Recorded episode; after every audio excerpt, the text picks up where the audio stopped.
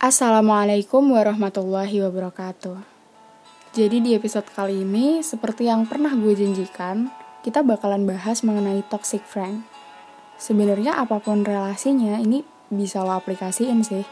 Cuma memang mungkin kali ini gue fokusnya lebih ke teman. Karena seperti yang kita tahu, anak remaja itu lagi seneng-senengnya temenan. Di episode ini, gue akan bahas dulu mulai dari pendapat kalian. Jadi, beberapa waktu yang lalu, udah lumayan lama, gue bikin beberapa pertanyaan yang boleh kalian jawab di question box snapgram gue. Pertanyaan gue adalah, apa sih definisi toxic menurut lo? Pernahkah lo ada di situ? Dan pernahkah lo merasa kalau diri lo itu toxic? Apakah perlu keluar dari circle itu? Dan gimana caranya lo bisa keluar dari situ? Dari semua jawaban yang ada, gue simpulin ada dua toxic friend. Bener-bener kayak orang-orang tuh ngeresponnya tuh bener-bener kayak cuma dua itu. Setelah gue pikir-pikir ya yaitu yang menjauhkan kita dari Tuhan sama orang yang menjerumuskan kita ke hal buruk. Gue setuju aja sih karena gue pun pendapatnya sama. Dan pertanyaan gue adalah apakah kita termasuk kawan yang ngejauhin teman kita dari Tuhan atau ngejerumusin ke hal buruk? Oke, mari kita simpan jawabannya sendiri-sendiri. Dan gue juga berterima kasih banget sama teman-teman gue yang gue sebenarnya nggak niat kayak gitu sih. Cuma ada beberapa teman yang langsung nge-DM dan cerita panjang gitu. Jadi uh, gue berniat untuk membagi ini ke kalian karena ceritanya lumayan bagus-bagus nih. Oke, kita langsung aja. Cerita pertama dari temen gue yang tidak berkenan disebutkan namanya. Menurut dia, toxic friend itu meracuni kehidupan.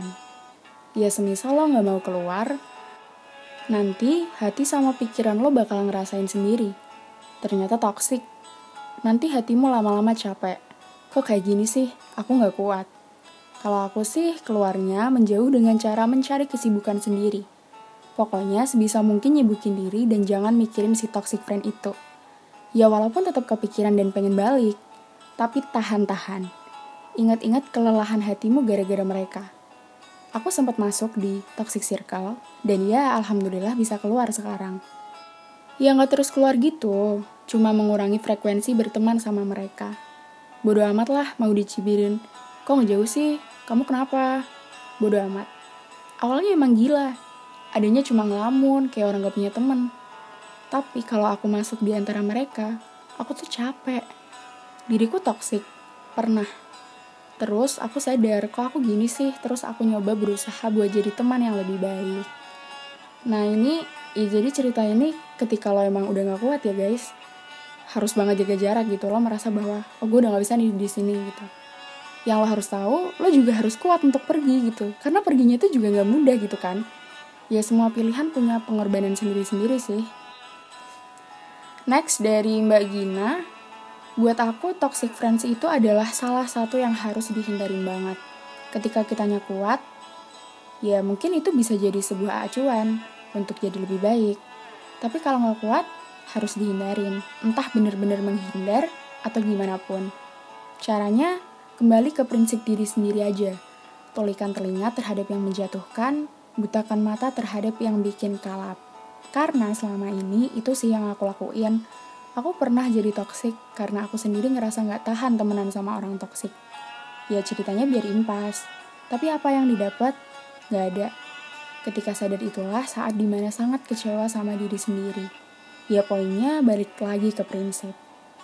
Nah jadi kalau dari cerita begini ini bisa kita lihat ya, jangan sampai kita jadi orang yang toksik itu terencana gitu. Kayak yang dia bilang bahwa dia kecewa karena ya dia nggak dapat apa-apa dengan ibaratnya impas gitu. Balik lagi jadilah diri kita sendiri. Oh iya Mbak Gina ini juga punya podcast guys kalau kalian mau ngecek namanya Kisah Nadir. Oke okay, next ini lebih ke pertanyaan ya ini dari temen gue. Put aku mau cerita dan ada pertanyaan yang pengen ku tanyain. Aku dikatain toksik sama temenku gara-gara aku tuh dibilang ngadu domba beberapa teman sekelas. Tapi dari diriku sendiri tuh aku gak ngerasa karena menurutku ada salah paham. Dan pertanyaanku, ciri-ciri orang toksik itu kan banyak. Apakah bisa kalau kita ngadu domba tuh langsung dibilang toksik gitu? ya gini deh ini lo pikir aja gitu gini deh setiap lo mau menganalisis suatu perilaku ya lo posisikan diri lo sebagai itu sebagai orang itu ya sekarang lo suka nggak ada orang yang ngadu domba lo sama temen lo nih. Terus lo nggak temenan lagi sama temen lo. Kalau gue sih benci banget. Tapi yang gue yakin sih pertemanan yang baik yang kuat itu nggak bakal bisa diadu domba. Karena kalah sama rasa percaya. Serius asli. Lo pernah gak sih ngerasa gini? Lo tuh demen banget ngomongin orang gitu ya. Tapi giliran temen lo yang diomongin itu tuh lo udah kayak nggak nafsu gitu loh. Tapi kalau ngegibahin anak sebelah atau anak seberang sama teman-teman lo tuh kayak lancar jaya banget. Tolong jangan ditiru ya bagian ini ya. Tapi asli sih pernah gak sih? Dan kalau lo tanya ya balik lagi sih. Kalau lo emang merasa ada salah paham ya lo lurusin aja gitu. Next dari Balkis. Ada dua tipe toxic friend kalau kata aku. Pertama teman yang bersikap gak baik ke kamu tapi kamu tetap mau temenan sama dia dengan alasan cuma dia yang kamu rasa nganggep kamu temen itu toxic kan gue setuju nih karena dia bikin kamu teracuni sama anggapan kamu bukan siapa-siapa kalau nggak sama dia. Atau toksik yang ngebawa kamu ke hal-hal atau kebiasaan buruk. Dua-duanya tiap orang pasti pernah ngerasain. Jujur, aku masih nggak bisa bedain mana yang toksik, mana yang enggak. Kalau itu terjadi sama aku. Tapi kalau sama orang lain, aku pasti langsung sadar.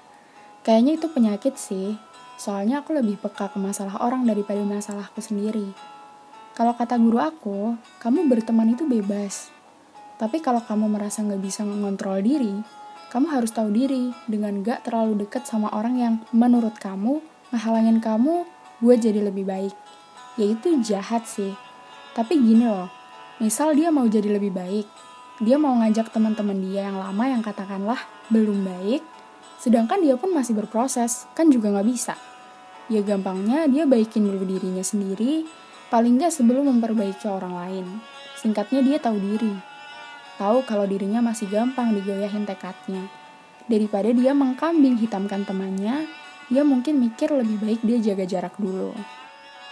Tapi beda kalau katanya hijrah, tapi habis itu ngegibahin jelek-jelek temennya dia ke orang lain. Kadang aku sebenarnya ngerasa kalau lingkungan aku itu toksik. Tapi ya itu aku yakin aku bisa ngontrol diri. Jadi aku ya biasa aja.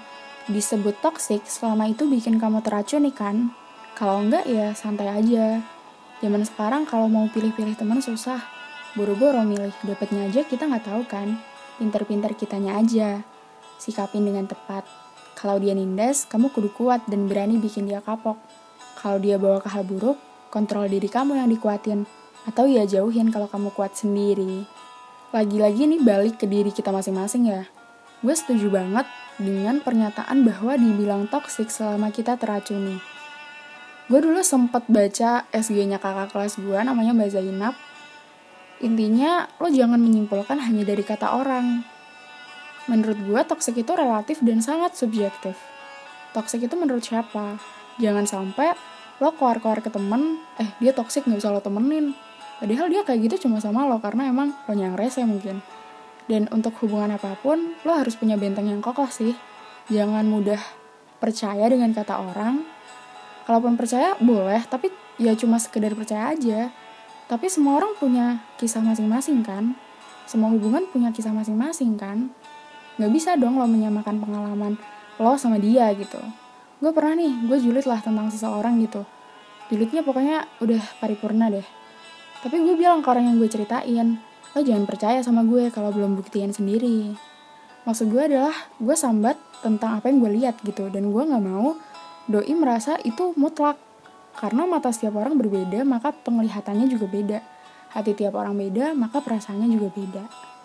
Dan gini guys, kalau kata gue nih ya, semua orang itu pasti bisa punya teman.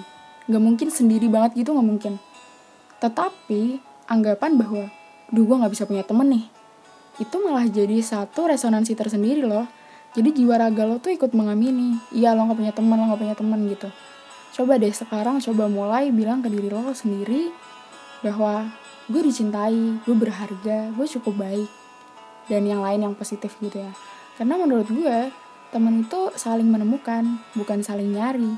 Jadi ketika saat di mana lo memutuskan untuk keluar dari circle yang menuntut lo tidak jadi diri lo sendiri, ketika lo ikhlas, pasti jiwa lo tuh bakal bawa lo ke situ, ke teman. Ya misal aja gini, lo merasa gak sih ketika lo punya teman yang toksik, itu tuh malah banyak menyedot energi lo. Jadi lo fokus terus di situ. Tapi coba deh lo ulur, seperti yang di atas, lo cari kesibukan ya kata teman-teman gue. Nah misal lo suka kegiatan sosial, karena lo udah nggak fokus dengan temen lo lo jadi punya waktu untuk itu. Lo nggak niat cari teman tapi lo memang mau kegiatan itu gitu. Dan di situlah lo menemukan orang-orang yang sejalan sama lo. Begitu kasarannya next terakhir ini kalian harus siapkan jiwa raga sih untuk benar-benar mencerna ini. Karena ini sangat lengkap menurut gue. Dari Dudung akan Nurul Azizah semua pertanyaanmu itu menarik menurutku ya ini Toxic friends itu teman yang gak sepemikiran, gak sejalan sama aku, tapi dia berusaha untuk menarikku agar sama kayak dia. Dan dia jadi kayak playing victim gitu, biar aku terus sama dia. Itu melelahkan.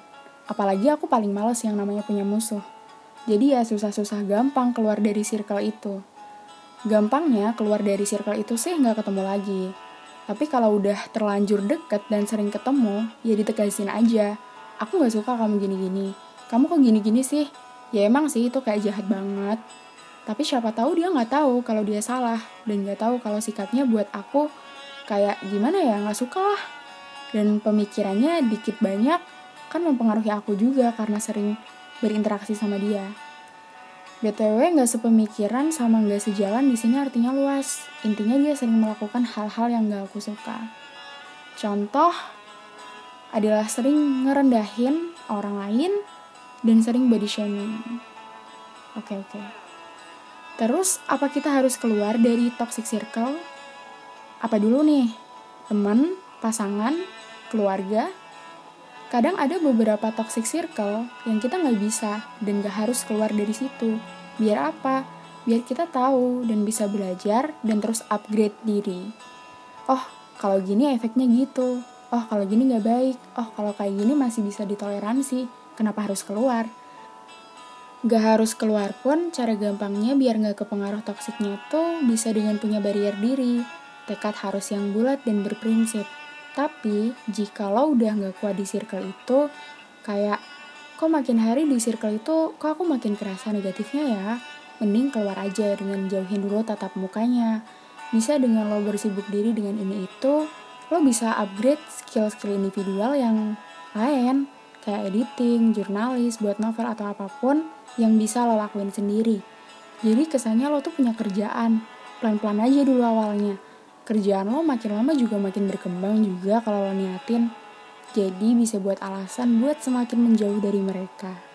Pernah ngerasa toksik? Pernah. Aku anaknya sering banget gak kekontrol omongan. Aku sadar aku udah ngerendahin orang ketika aku udah ngucapin sesuatu. Kayak bersalah gitu rasanya Kadang juga gak sadar kalau gak ada yang negur. Aku berterima kasih sama orang-orang yang bisa negur aku. Karena aku sadar diri juga, sadar gak sadar, aku pernah ngelakuin apa yang aku gak suka dari orang lain.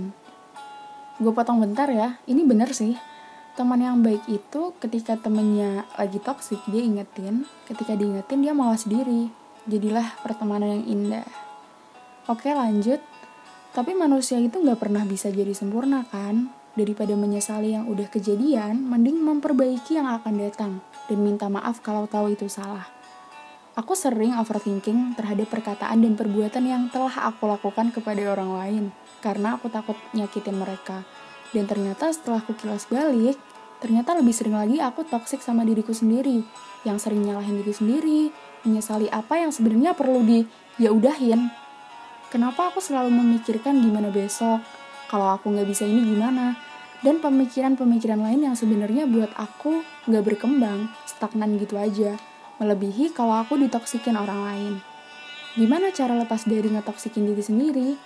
Aku sekarang belum tahu jawabannya, tapi dikit-dikit kayaknya aku dapet jawabannya. Tapi dari sudut pandang aku sih, bisa diterima bisa enggak, karena juga berdasarkan pengalamanku sendiri.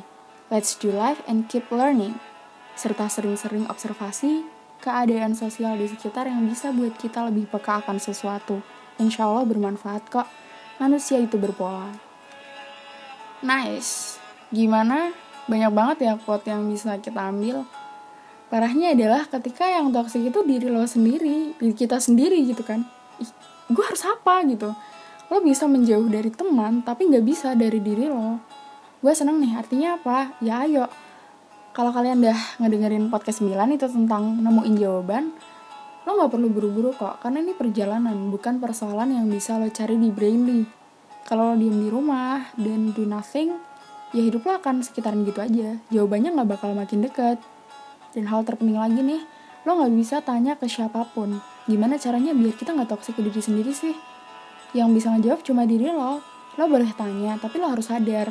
Jangan berharap bahwa cara itu pasti kena di lo pasti berhasil di lo lo harus menemukan cara lo sendiri gitu ini bagian Dudung bilang bahwa ada toxic circle yang gak bisa lo hindarin. Ini gue suka nih dewasa. Ketika lo merasa berada di lingkungan yang gak nyaman ya lo juga harus tanya ini mereka yang toxic atau gue yang terlalu rewel? Kadang sesuatu itu perlu lo lawan tapi ada juga yang perlu lo nikmatin. Dan bisa jadi itu yang membentuk lo jadi pribadi yang lebih baik. Ada hal yang udah punya definisi mutlak, tapi ada juga yang bisa lo selami dan lo, lo sendiri yang nemuin definisi baru itu. Misal aja nih, yang lo gak bisa keluar dari situ ya, keluarga lo toksik.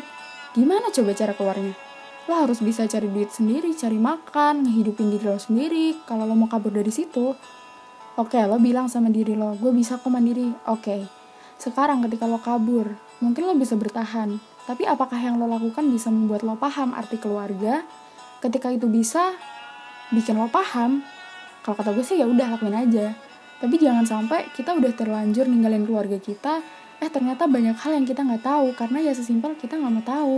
Kita fokus bahwa keluarga gue toxic dan kita nggak berpikir untuk menjadi obat, tapi ya menjauh aja gitu. Gue nggak bisa menilai ya baik buruknya. Kalian sendiri yang bisa merasakan, tapi yang gue yakinin sih Jangan sampai kita nyesel karena kitanya yang gak mau tahu. Kitanya yang gak mau belajar, cuma mau menuntut, gak mau dituntut. Oke, segitu dulu dari gue. Gue akan berbagi cerita gue sendiri di episode selanjutnya.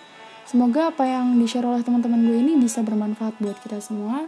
Akhirul kalam, wassalamualaikum warahmatullahi wabarakatuh.